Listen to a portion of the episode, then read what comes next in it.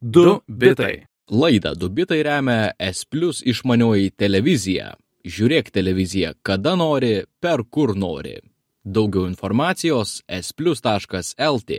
Sveiki, žinių radio klausytojai, jūs girdite laidą pavadinimu Du bitai, o prie mikrofono esu aš Lukas Keraitis, bei šalies sėdi Jonas Jonas Lekevičius. Jonas Lekevičius, atsiprašau, išdaviau tavo vardą Jonai. Kaip ir kiekvieną savaitę, šiandien apžvelgsime svarbiausias technologijų naujienas, bet prieš tai uh, trumpas announcementas. Sekite mūsų Facebook grupėje pavadinimu technologijų naujienos, kars nuo karto ten kažką gražaus įkeliame. Visus epizode naudojamus šaltinius ir informaciją apie mus galite rasti mūsų interneto svetainėje dubitai.com ir mūsų klausytis galima visur, kur tik jums patogu, visose tinklalaidžių programėlėse jau esam, vienas, du ir mus pasieksite išgirsite. Ir taip pat šoksime į naujienas, jų turim šiandien visai skirtingų, ar ne? Jonai, Jonas man ką tik sakė, tūkstantį straipsnių naujienų perskaito per, per savaitę, aš netikiu, kas nors tiki, Jonai pasiteisink. Aš pats savimi netikiu. Tikrai? Tūkstantį? Na, žinai, kartais tik antraštės, bet. Ai, su antraštėm skaičiuoju, ar ne? Na gerai, tūkstantis. Gerai, turime keturias naujienas pagrindinės, jos visos pakankamai skirtingos, vienos sudėtingos, kitos juokingos, trečios svarbios, tai pradėsime nuo pirmosios. Ir apie tai galbūt jau girdėjote.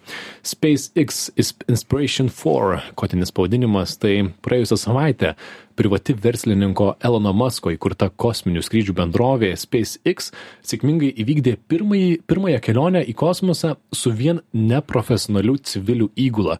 Tai yra, kartu nekeliavo nei vienas profesionalus astronautas ar kosmonautas. Misija buvo valdoma iš esmės Žemės arba buvo kažkiek dar automatizuota. Um, Inspiration 4 pavadintoje misijoje dalyvavo ją apmokėjęs milijardierius Jaredas Izakmanas, kuris na, finansavo skyraidį ir dar trys amerikiečiai visiškai nepažįstami ją, ją apmokėjusiam verslininkui. Neaišku, kiek tai kainavo, spėjama apie 200 milijonų dolerių galėjo kainuoti ir puiku, tris tris paras iš esmės jie keturiese skraidė aplink žemę, e, grožėjosi jos vaizdais, e, valgė pizzą, klausėsi muzikos, netgi grojo ukulėlę ir be abejo viskas buvo transliuota per YouTube, taip jie žemę apkeliaudavo 15 kartų per parą. Tai gražu ir, ir tikriausiai galima sakyti, kad visai apdėjo konkurentus Virgin Galactic ir Blue Origin, apie kuriuos kalbėjom prieš mėnesį, ar ne? Tai palyginus su jų, kiek ten, 15 minučių nesvarma būsenos, plus minus, labai trumpu tokiu iššovimu iššovimų į daugmaž kosmoso ribą. Čia, čia peršovė visais įmanomais e, skaičiais. Tris paras virš, e, suktis virš Žemės, 585 km aukštyje. Čia toks faktas, jog toliausiai nuo Apollo e, mėnulio programos, kiek, kiek yra žmonės. Nuo 72 metų niekas nebuvo pakilę aukščiau negu šie keturi žmonės. Tai, tai tikrai perspėjo visais įmanomais dalykais ir aš šiaip manau, jog kai kai jau turi laiko net pamiegoti nesvarumo būsenoj, čia yra tikra kelionė į kosmosą. Ne kada turi būti susikaupęs visas 15 minučių, nes praleisi kokį nors vaizdą. Va, čia, čia jau yra tikra smagi kelionė. Iš tikrųjų, su visom tom naujienom nuo vasaros kosminė turizmo era prasidėjo šiais metais galime tuo pasidžiaugti. O SpaceX e, Crew Dragon kapsulė, kuria skrido, šiaip talpina septynis keleivius, e, planuojama dar sausį turėtų, na, keli kiti verslininkai keliauti į kelionę. Aš labai laukiu uh, 23 metų, kai japonų verslininkas planuoja keliauti su kompanija aplink Mėnulį, kad su, kartu su keturiais menininkais. Čia bus kažkokia crazy, crazy, crazy kelionė, man atrodo. Tai va, džiaugiamės, bet to vadovas Shift4 CEO, tu Jonai galbūt apie jį daugiau žinai ar ne, jis turi nemažą komandą Vilniuje Shift4 yra bendrai didelė mokėjimų kompanija, turi daug daug produktų susijusių su restoranų valdymu ir taip toliau. Ir įdomus e, toks e, faktas ir pasidžiaugimo su tuo, jog labai nemaža produkto komanda Shift4 yra Vilniuje. Ir e, daug pažįstamų iš programavimo srities dalinosi šitų skrydžių, nes jų, taip. jų įmonės vadovas yra taip. labai toli nuo žemės ir negali jiems nieko pasakyti. Visai kieta, tavo vadovas yra kažkur aplink žemės skrenda. Ir kitas pasidžiaugimas yra tai, jog nors tai turbūt kainavo apie 200 milijonų šitą kelionę, ji taip pat buvo labdaros rinkimas ir tikslas buvo 200 milijonų tiek, e, tiek surinkti žmonių žiūrinčių peržiūras, kurie aukotų, tiek vėliau pardavinėjant meno kūrinius, kurie buvo sukurti kosmose, nes pasiemė ir akvarelės patapyti žemę iš viršaus ir, ir muzikos įrašė. Tai pati ukulėlė, su kuria groja, bus parduota aukcionė ir panaudota. Ir, ir tokiu būdu turėtų būti vėlgi surenkama, jų tikslas yra apie 200 milijonų um, vaikų uh, vėžio tyrimos, tyriamosios ligoninės St. Jude, um, kuri man pačiam yra labai uh, prie širdies uh, labdaros organizacija. Um, tad džiaugiuosi šiuo skrydžiu, tikrai ne, ne vien tik tai um, pasifilmuoti virš žemės. Taip, tad štai Lukas ir Jonas ne tik skeptikai, mes galime ir pasidžiaugti kosminėmis kelionėmis ir šią tikrai džiaugiamės, man atrodo, kad nušluostė nosį Virgin Galacticui ir Blue Origin savo pagrindiniams konkurentams. Tad štai, kelionės į kosmosą, leiskimės ant Žemės, o čia yra Rusijos tema ir interneto cenzūra. Jonai, papasakok, aš žinau, kad turi Taip, ką pasakyti. Aš, aš turiu savo e, viduje sukaupęs tokį e, emocijų pilną monologą šitą temą, tai, tai noriu noriu iš, išlieti viską, ką galvoju. Šią savaitę ir praeitą savaitę um, vyksta Rusijos Dūmos rinkimai ir uh, Kartu su tuo opozicijos lyderis Aleksėjus Navalnas vykdo savo taktinę balsavimo iniciatyvą, kurią vadino Smart Voting taktinis balsavimas, kaip balsuoti už tuos apylinkėse, kurie tikėtina turi geriausią šansą nurungti Putinui palankius politikus. Akivaizdu, jog Rusijos valdžiai ši iniciatyva labai nepatiko galbūt uh, pajautė rimtą grėsmę šitos uh, strategijos, tad ėmė iš mano patirties stebint visas naujienas vienų radikaliausių, tokių greičiausių metodų cenzuruoti viską, kas vyksta internete, iš to, ką esu matęs, net lyginant su tuo, ką daro Kinija, tai, tai visai pa, pa, nustebino savo mhm. stiprumu. Rusija, aišku, cituoja agitacijos rinkimų įstatymą ir su, su tuo galima sutikti, jo galbūt tai iš tiesų yra kažkoks pažeidimas, tačiau su metodais, kuriais jie stabdo, tai man labai sunku sutikti. Ir keli įvykiai su tuo susiję. Rugsėjo 17 dieną Apple ir Google pašalino iš savo programėlių parduotuvių App Store ir Google Play Navalno balsavimo appsą, kuris programėlė, kuri turėtų padėti tiesiog suvedi savo apylinkę ir tau pasako, už ką galėtum balsuoti, jeigu nori uh, taktiškai balsuoti. Tačiau tas pašalinimas ir to aplinkybės yra labai ne, nemalonės, galima sakyti. Mhm. Jas pašalino labai greitai, todėl, jog Rusijos valdžia tiesiog pradėjo grasinti, jog iškels kriminalinės, baudžiamasias bylas tų kompanijų vietiniams darbuotojams, kurie yra Rusijoje. Man tai yra nesuvokiama. Nes ir tai aš matau iš esmės kaip beprecedentį, be, be, beprecedentę strategiją. Taip. Nes ką tie darbuotojai turi bendro su App Store, su programėlėmis? Turbūt nieko bendro, jie turbūt dirba, galbūt programuoja, arba tiesiog yra parduotuvių darbuotojai, kas ten žino. Gal yra pardavimų vadybininkai, daug kas gali būti. Kaip Lietuvoje yra Google darbuotojai ir Latvijoje yra Facebook'o darbuotojai, Taip. kurie nelabai, kad turi bendro su politikomis ir tad asmeninis susisėjimas su šitą problemą yra lab, turbūt iš viso neegzistuoja. Antra, kodėl tai yra kriminalinis nu, nusikaltimas, o ne administracinė bauda ir kodėl tai turi būti potencialiai verta kalėjimo, aš, atrodo visiškai nesuvokiama. Ir trečia, kodėl tai eina konkretiems darbuotojams, o ne kompanijoms per baudas, kas yra standartinis būdas, kaip reguliuoti kompanijas. Kai mes šnekėjome apie programėlės pietų Korejoje, jie kalba apie baudas. Pati Rusija yra prieš tai iškėlusi baudas, bet matyt dabar jiems reikėjo tokio greito atsako, jog nebenorėjo kalbėti apie baudas ir todėl man belieka viena interpretacija jog jie norėjo pašalint tą taip greitai jog surado šitą silpną vietą tiek apple tiek google tikrai nenorėjo jog jiem jų darbuotojams būtų iškeltos kriminalinės baudžiamosios bylos ir šita silpna vieta pasinaudojo mhm. E, bet e, Navalno šalininkai taip greit nepasidavė, ar ne? Dar buvo persikelta. Taip. Užblokavus programėlę. Programėlė nebuvo vienintelis kanalas, kai jie turėjo. Jie taip pat turėjo telegramo botą. Ir šitą telegramo botą irgi labai greit e, telegramą turėjo pašalinti ne todėl, jog Rusija labai juos įtikino, um, o todėl, jog jie tą įtikinėjimą ir šantažavimą, galima sakyti, permetė Apple ir Google. Um, atradė šitą silpną vietą, jog jie gali grasinti konkretiems darbuotojams. Uh, jie pasakė, jog, ei, dabar perduokit telegramą, jog ir jie turi užblokuoti botus. Ir tuomet telegramos uh, vadovui um, Pavel, Pavelui Drovui neliko iš esmės jokių alternatyvų, nes tiesiog jis pats statė, sakė, jog jį grasino išmesti iš parduotuvių, jeigu nepašalins tų botų. Tad vėlgi pasinaudoja šitą silpną vietą tam, jog užcenzuruoti labai greitai ir efektyviai, tačiau absoliučiai nesuvokiamą, nesuvokiamų žiaurumų galima sakyti. Mhm. Na ir paskutinis tada liko paskutinė komunikacijos kanalas, kurį, kurį buvo pasilikę Navalno organizacija kaip visiškai galutinį frontą, buvo Google Doc tiesiog internetinis dokumentas, nuoroda, kurią gali pasidalinti, jokių išmanių tenai sprendimų ar botų, tiesiog gali susirasti savo apylinkę ir susirasti parašyta, už ką balsuoti. Google sprendimas šiuo atveju buvo užblokuosime visus Google Docs. Rusijos sprendimas. Taip. Rus, e, fu, taip, taip. Rusijos sprendimas. Ir e, vietoj to, bandyti užblokuoti vieną konkretų dokumentą, tiesiog ne, visi Google Docs nebeegzistuoja.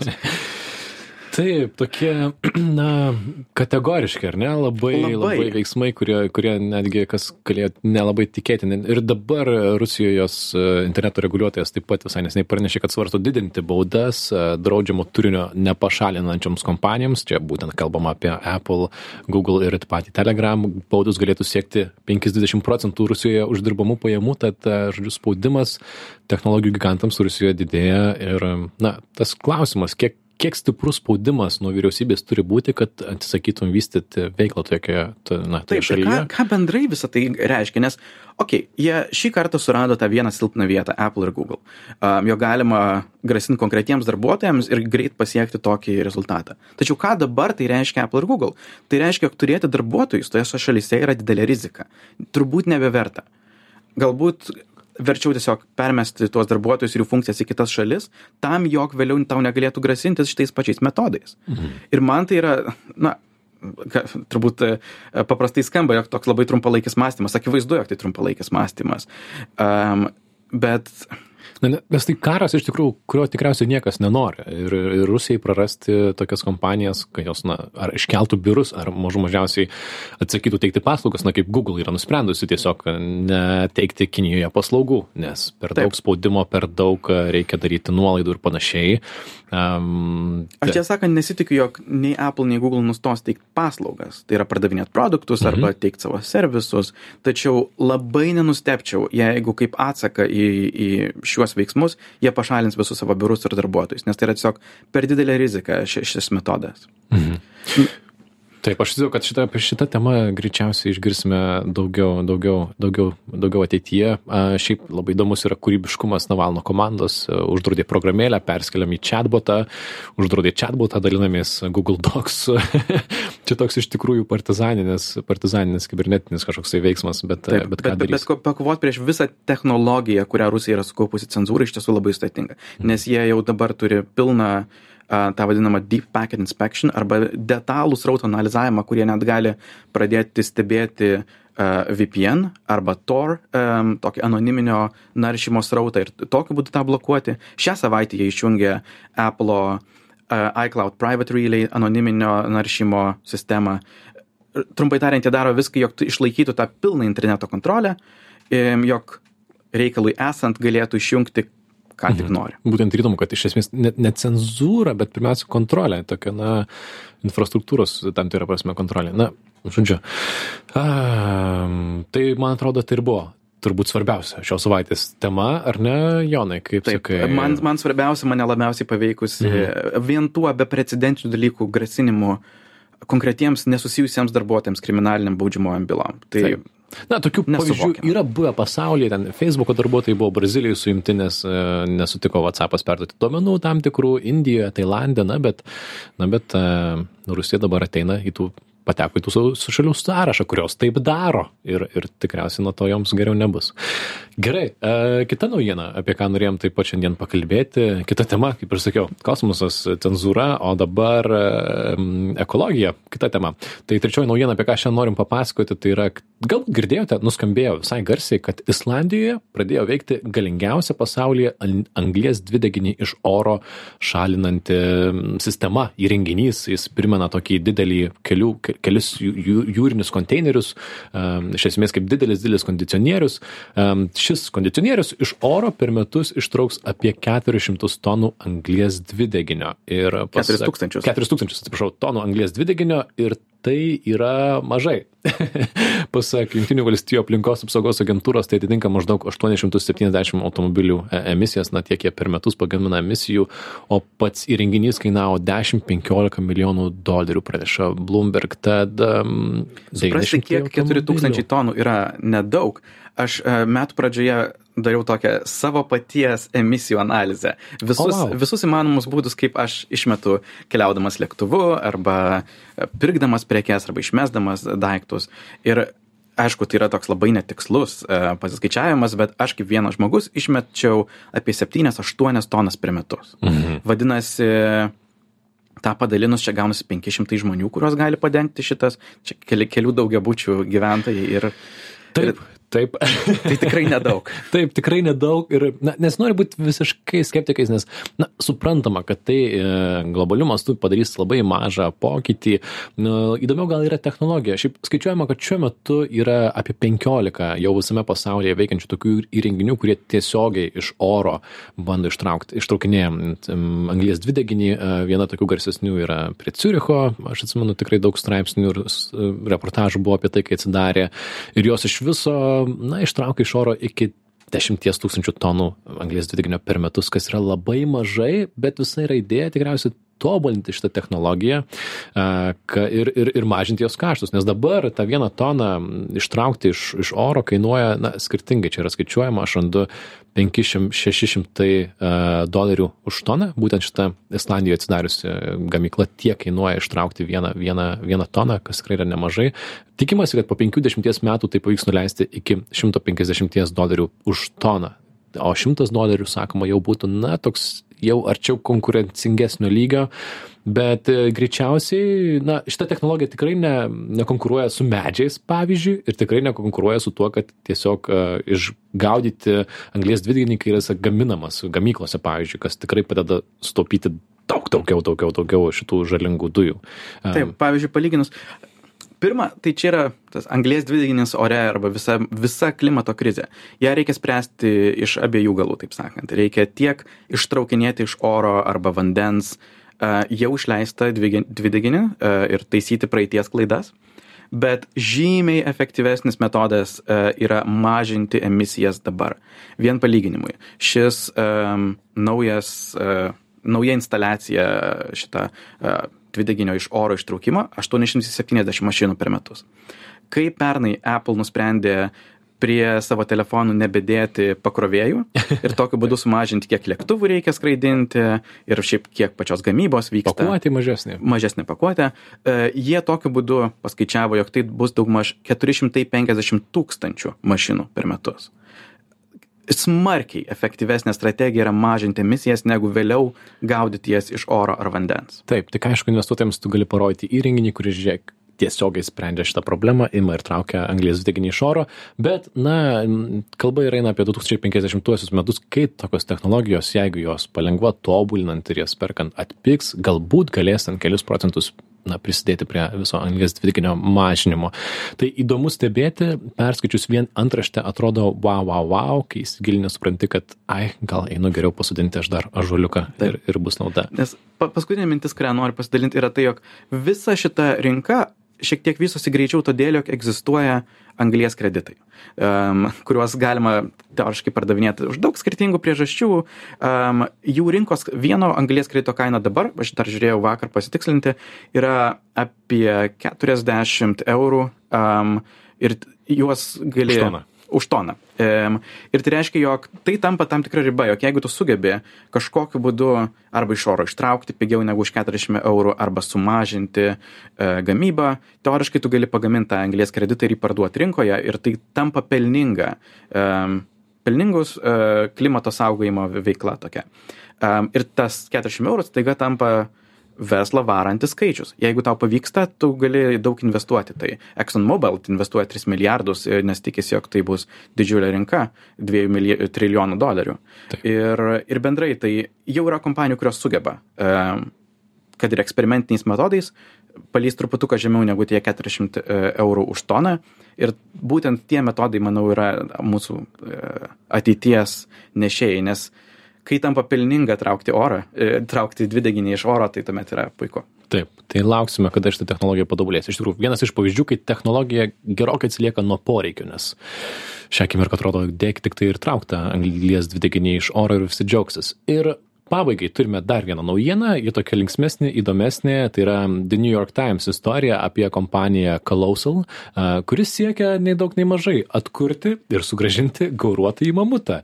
Neseniai kompanija gavo 15 milijonų dolerių investavimą ir bando padaryti tai, ką skeptikai labai sako, kad nepavyks padaryti, tai yra iš esmės na taip jų galutinė idėja tai tokia kaip iš kaip iš kaip iš filmo ar ne kaip iš Jurassic Parko. Atgaivinti mamutą kad jį um, pamatyti padaryti gyvą mamutą atkurti jį iš DNR šiaip neįtikėtinai skamba um, kaip tai padaryti jie žada. Siekia pakoreguoti dramblio DNR pridėti mamuto kelis genus kurie atsakingi už tankų kailį ten atsparumą šalčiui ir panašiai ir tikisi išskirti embrionus bei užauginti gyvus uh, mamučiukus. Ir um, aziniai drambliai ir mamutai turi bendrą prieš šešis milijonus milijonus metų gyvenusi protėvį, tai tikimasi, kad tai yra įmanoma, o šiaip jau dabar iš DNR fosilijų, iš, DNR, iš fosilijų yra ištraukiamos gyvūnų DNR, tai yra įmanoma. Įdomu tai, kad atsisakė šią kompaniją jau dabar apvaisinti, idėjos apvaisinti dramblius, kurie išnešiotų mamutų jauniklius, jie planuoja kurti dirbtinę gimdą. Na, žodžiu, ką veikti ta kompanija, tai tikrai, tikrai turės dar ilgai, e, bet aišku, visiems labai smalsu ir miela, ir įdomu, kas čia bus. Ir aišku, pas, jeigu jiems tik tai pradės sektis, tai gausybė, gausybė klausimų iškils, o, o apie etiką ir, ir kaip ką, ką galima daryti ir ko negalima, nes ta kompanija norėtų kaip ir paleisti tos mamutus į, į, į gamtą ganytis. Oi, Oi, ambicinga, bet mėla, ne, Jonai? Man visą laiką patinka kompanijos, kurios e, išlipa iš mokslinės fantastikos knygų arba filmų šiuo atveju e, ir tiesiog sako, okei, okay, mes imsim tą ir padarysim. E, matėt e, jūros periodo parką? Pabandom. E, nu bent jau dinozaurų nebando.